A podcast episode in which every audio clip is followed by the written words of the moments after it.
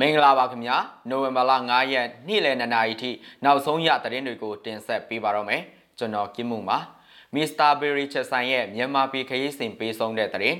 စစ်ကောင်စီလက်အောက်ခံရုံးဝန်ထမ်းတွေကိုနိုဝင်ဘာလ9ရက်နေ့နောက်ဆုံးထားပြီးနှုတ်ထွက်ကြဖို့ထီလင်းဟွေဒီ F3 ပေးတဲ့သတင်းကတာခရိုင်တိုက်ပွဲတွေကြောင့်အမျိုးသမီးများကလေးငယ်များထိခိုက်မှုရှိနေတဲ့သတင်း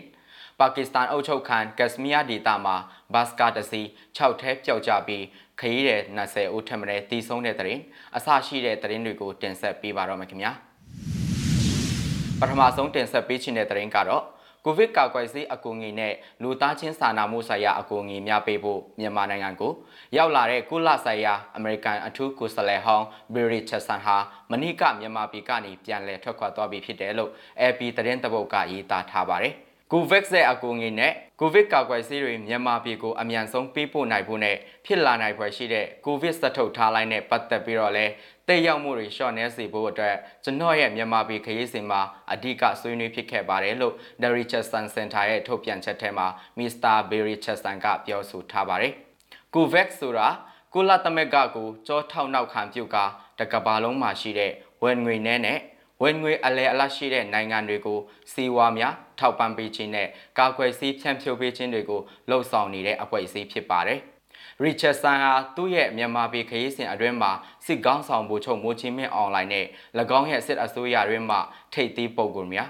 နိုင်ငံခြားတန်တမန်အဖွဲ့ဝင်များ ZUN ရဲ့ကိုယ်စားလှယ်များနဲ့အခြားသောနိုင်ငံတကာအဖွဲ့အစည်းတွေနဲ့တွေ့ဆုံခဲ့တယ်လို့လည်းထုတ်ပြန်ချက်ကဆိုထားပါတယ်။ Richardson အနေနဲ့ လူသားချင်းစာနာမှုအကူအညီများပေးဖို့ရာအထူးသဖြင့်မြန်မာနိုင်ငံအတွင်းကဝေးလံခေါင်တည်တဲ့ဒေသတွေကိုလွယ်ကူချောမွေ့စွာပေးဆောင်နိုင်ဖို့အတွက်အစီအမံတွေကိုအကြံပြုထားတယ်လို့လည်းထုတ်ပြန်ချက်ကဆိုပါတယ်။အမေရိကန်ရဲ့စွမ်းအင်ဝန်ကြီးနဲ့ News Mexico ပြည်နယ်ရဲ့အုပ်ချုပ်ရေးမှူးတာဝန်တွေကိုတာဝန်ထမ်းဆောင်ခဲ့တဲ့ Richardson က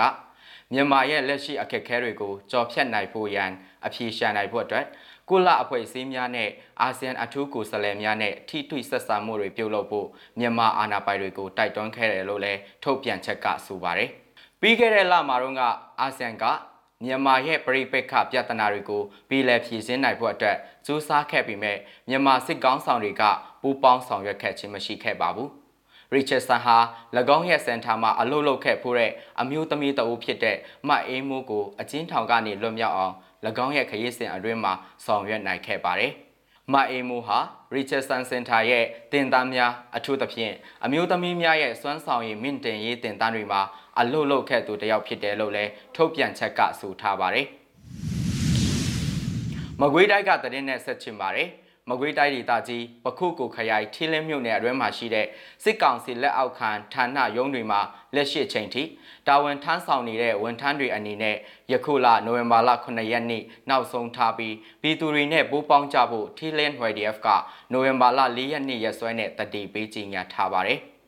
ပြည်သူနဲ့အတူပူးပေါင်းဆောင်ရွက်ခြင်း CDM ပြုတ်လုပ်မဲ့ဝန်ထမ်းများအနေနဲ့ ဌာနတစ်ခုချင်းစီအလိုက်စရင်ပြုစုပြီး Your Anger ပိတ်တော့ပို့ဆောင်ပေးပါရန်အသိပေးအပ်ပါတယ်လို့ Thailand YDF ကတတိပေးထားပါတယ်။အာနာသိန်းစစ်ကောင်စီလက်အောက်မှာဆက်လက်တာဝန်ထမ်းဆောင်နေပြီးပြည်သူနဲ့အတူပူးပေါင်းဆောင်ရွက်ခြင်းမရှိတဲ့ဝန်ထမ်းတွေကိုထိုက်တင်တယ်လို့အရေးယူဆောင်ရွက်သွားမှာဖြစ်ကြောင်း Thailand YDF ကဆိုပါတယ်။ YDF Thailand အနေနဲ့စစ်အာဏာရှင်ပြုတ်ကျရေးကိုတစိမ့်မတ်မတ်လှုံ့ဆော်သွားမှာဖြစ်ပြီး CDM ဝန်ထမ်းများနဲ့ကာကွယ်တာ CDM ဝန်ထမ်းများကိုဖိအားပေးနေတဲ့အထက်အရာရှိများနဲ့ရုံးဝန်ထမ်းများအားအရေးယူဆောင်ရွက်တာတွေလှုံ့ဆော်သွားမှာဖြစ်ကြောင်းလည်း Thailand YDF ကထုတ်ပြန်ထားပါတယ်။နောက်ထပ်တင်ဆက်ပေးချင်တဲ့သတင်းကတော့စကိုင်းတိုင်းဒေသကြီးနဲ့ကချင်ပြည်နယ်အစပ်တုံမှာတိုက်ပွဲတွေခတ်စိတ်စိတ်ဖြစ်နေပြီးစစ်ကောင်စီတပ်ဖွဲ့ဝင်တွေရဲ့ပစ်ခတ်မှုတွေကြောင့်အမျိုးသမီးနဲ့ကလေးငယ်များအပါအဝင်ပြည်သူတချို့လက်နက်ကြီးကြီးစထိမှန်မှုတွေရှိနေပါတယ်။ရွှေကိုမြို့က အသက်50ခန့်အရွယ်ကချင်အမျိုးသားကမော်တာတွေစိန်ပြောင်းတွေဆိုတာသူတို့မှာပဲရှိတာလေအိမ်လားဖယားချောင်းလားဖုန်ကြီးချောင်းရွေးမနေဘူးထိချင်တာထိဆိုပြီးလက်နဲ့ကြီးနဲ့ပြစ်နေတော့တာပဲလို့ပြောပါတယ်ကတာခရိုင်ရွှေကူနယ်အစရှိမင်းချောင်းကုန်းမှာနိုဝင်ဘာလ2ရက်နေ့နာနဲ့8နာရီအချိန်လောက်မှာတိုက်ပွဲစတင်ဖြစ်ပွားခဲ့ရာမိနစ်30ခန့်အကြာမှာစစ်ကောင်စီတပ်ဖွဲ့ဝင်တွေရဲ့ပစ်ခတ်မှုကြောင့်ပြည်သူများလက်နက်ကြီးကြီးစထိ မှန်ခဲ့တယ်လို့ဒေသခံတွေကပြောပါတယ်။အော်တိုဘာလ30ရက်နေ့ညနေ8နာရီအချိန်ခန့်ကလည်းကတာမြို့မူတာအထက်တန်းကျောင်းမှာအထိုင်ချထားတဲ့စစ်ကောင်စီတပ်ဖွဲ့ဝင်တွေနဲ့ PDF တွေတိုက်ပွဲဖြစ်ပွားခဲ့ပြီးစစ်ကောင်စီဘက်ကပစ်ခတ်မှုတွေကြောင့်အမျိုးသမီးနဲ့ကလေးများအပါအဝင်ငါးအိုခန့်လက်နက်ကြီးကြီးစာထိမှန်ခဲ့ပါတယ်။စစ်ကောင်စီဘက်ကပစ်ခတ်လိုက်တဲ့လက်နက်ကြီးကြီးတွေကြောင့်မူတာဖျားကြီးကြောင်းလဲထိခိုက်မှုတွေရှိခဲ့တယ်လို့ဒေတာခန်တွေကပြောပါတယ်။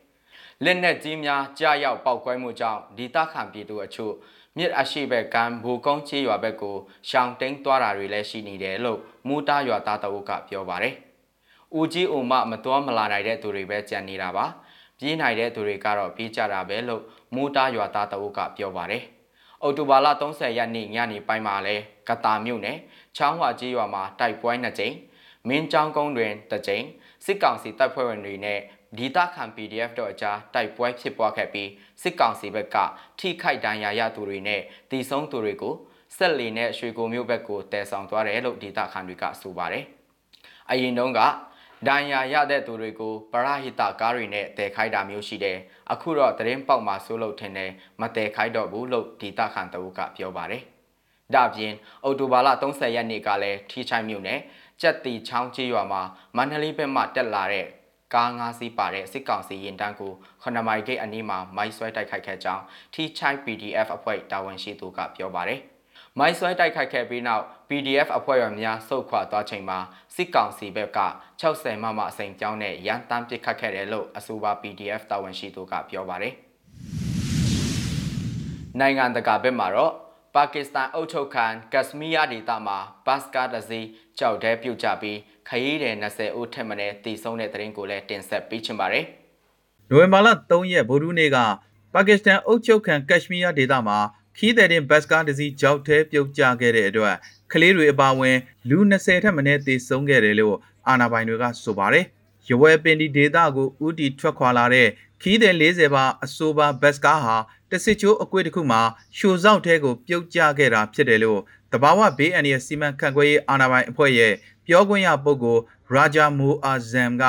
AFP ကိုပြောကြားခဲ့ပါတယ်။အရှိန်လုံးမောင်းနေမှုကြောင့်ဒီလိုအဖြစ်ဆိုးကြုံခဲ့ရတာဖြစ်ပြီးတာဝန်ရှိသူတွေအနေနဲ့ကားပြတ်ထဲကဒဏ်ရာရသူတွေနဲ့အလောင်းတွေကိုဆွဲထုတ်ဖို့ကြိုးစားနေပြီဖြစ်ကြောင်းသူကဆက်ပြောပါတယ်။ပါကစ္စတန်အုပ်ချုပ်ခံကက်ရှမီးယားဒေသရဲ့မြို့တော်မူဇာဖာရာဘက်ရဲ့ အရှိဘက်65မိုင်အကွာလူနေကျဲပါးရာအရက်မှာ၎င်းရင်မတော်တဆမှုဖြစ်ပွားခဲ့တာဖြစ်ပါတယ်။အကြားဒေတာတွင်အာဏာပိုင်တွေရဲ့အဆိုအရသေဆုံးသူဥယေက23ဦးဖြစ်တယ်လို့ဆိုပါတယ်။ပါကစ္စတန်နိုင်ငံမှာရင်းရထားတွေကိုပြုပြင်ထိန်းသိမ်းမှုအားနည်းခြင်းမစင်မချင်းမောင်းနှင်ခြင်းရထားလမ်းကားလမ်းတွေရဲ့အည်သွေးညံ့ဖျင်းခြင်းကြောင့်အခုလိုတုံလုံး၆ချားပွဲရာလူအသေးပြောက်များတဲ့ရင်မတော်တဆမှုတွေမကြာခဏကြုံနေရတာဖြစ်ပါတယ်။ ပြီးခဲ့တဲ့ဇွန်လကလည်းစင်းစီရင်စုမှာတွဲချော်ထားတဲ့အမြန်ရထားကိုခီးတဲ့တဲ့အမြန်ရထားတစ်စီးကဝင်တိုက်မိတဲ့အတွက်လူ63ဦးထက်မနည်းသေဆုံးခဲ့ပါတယ်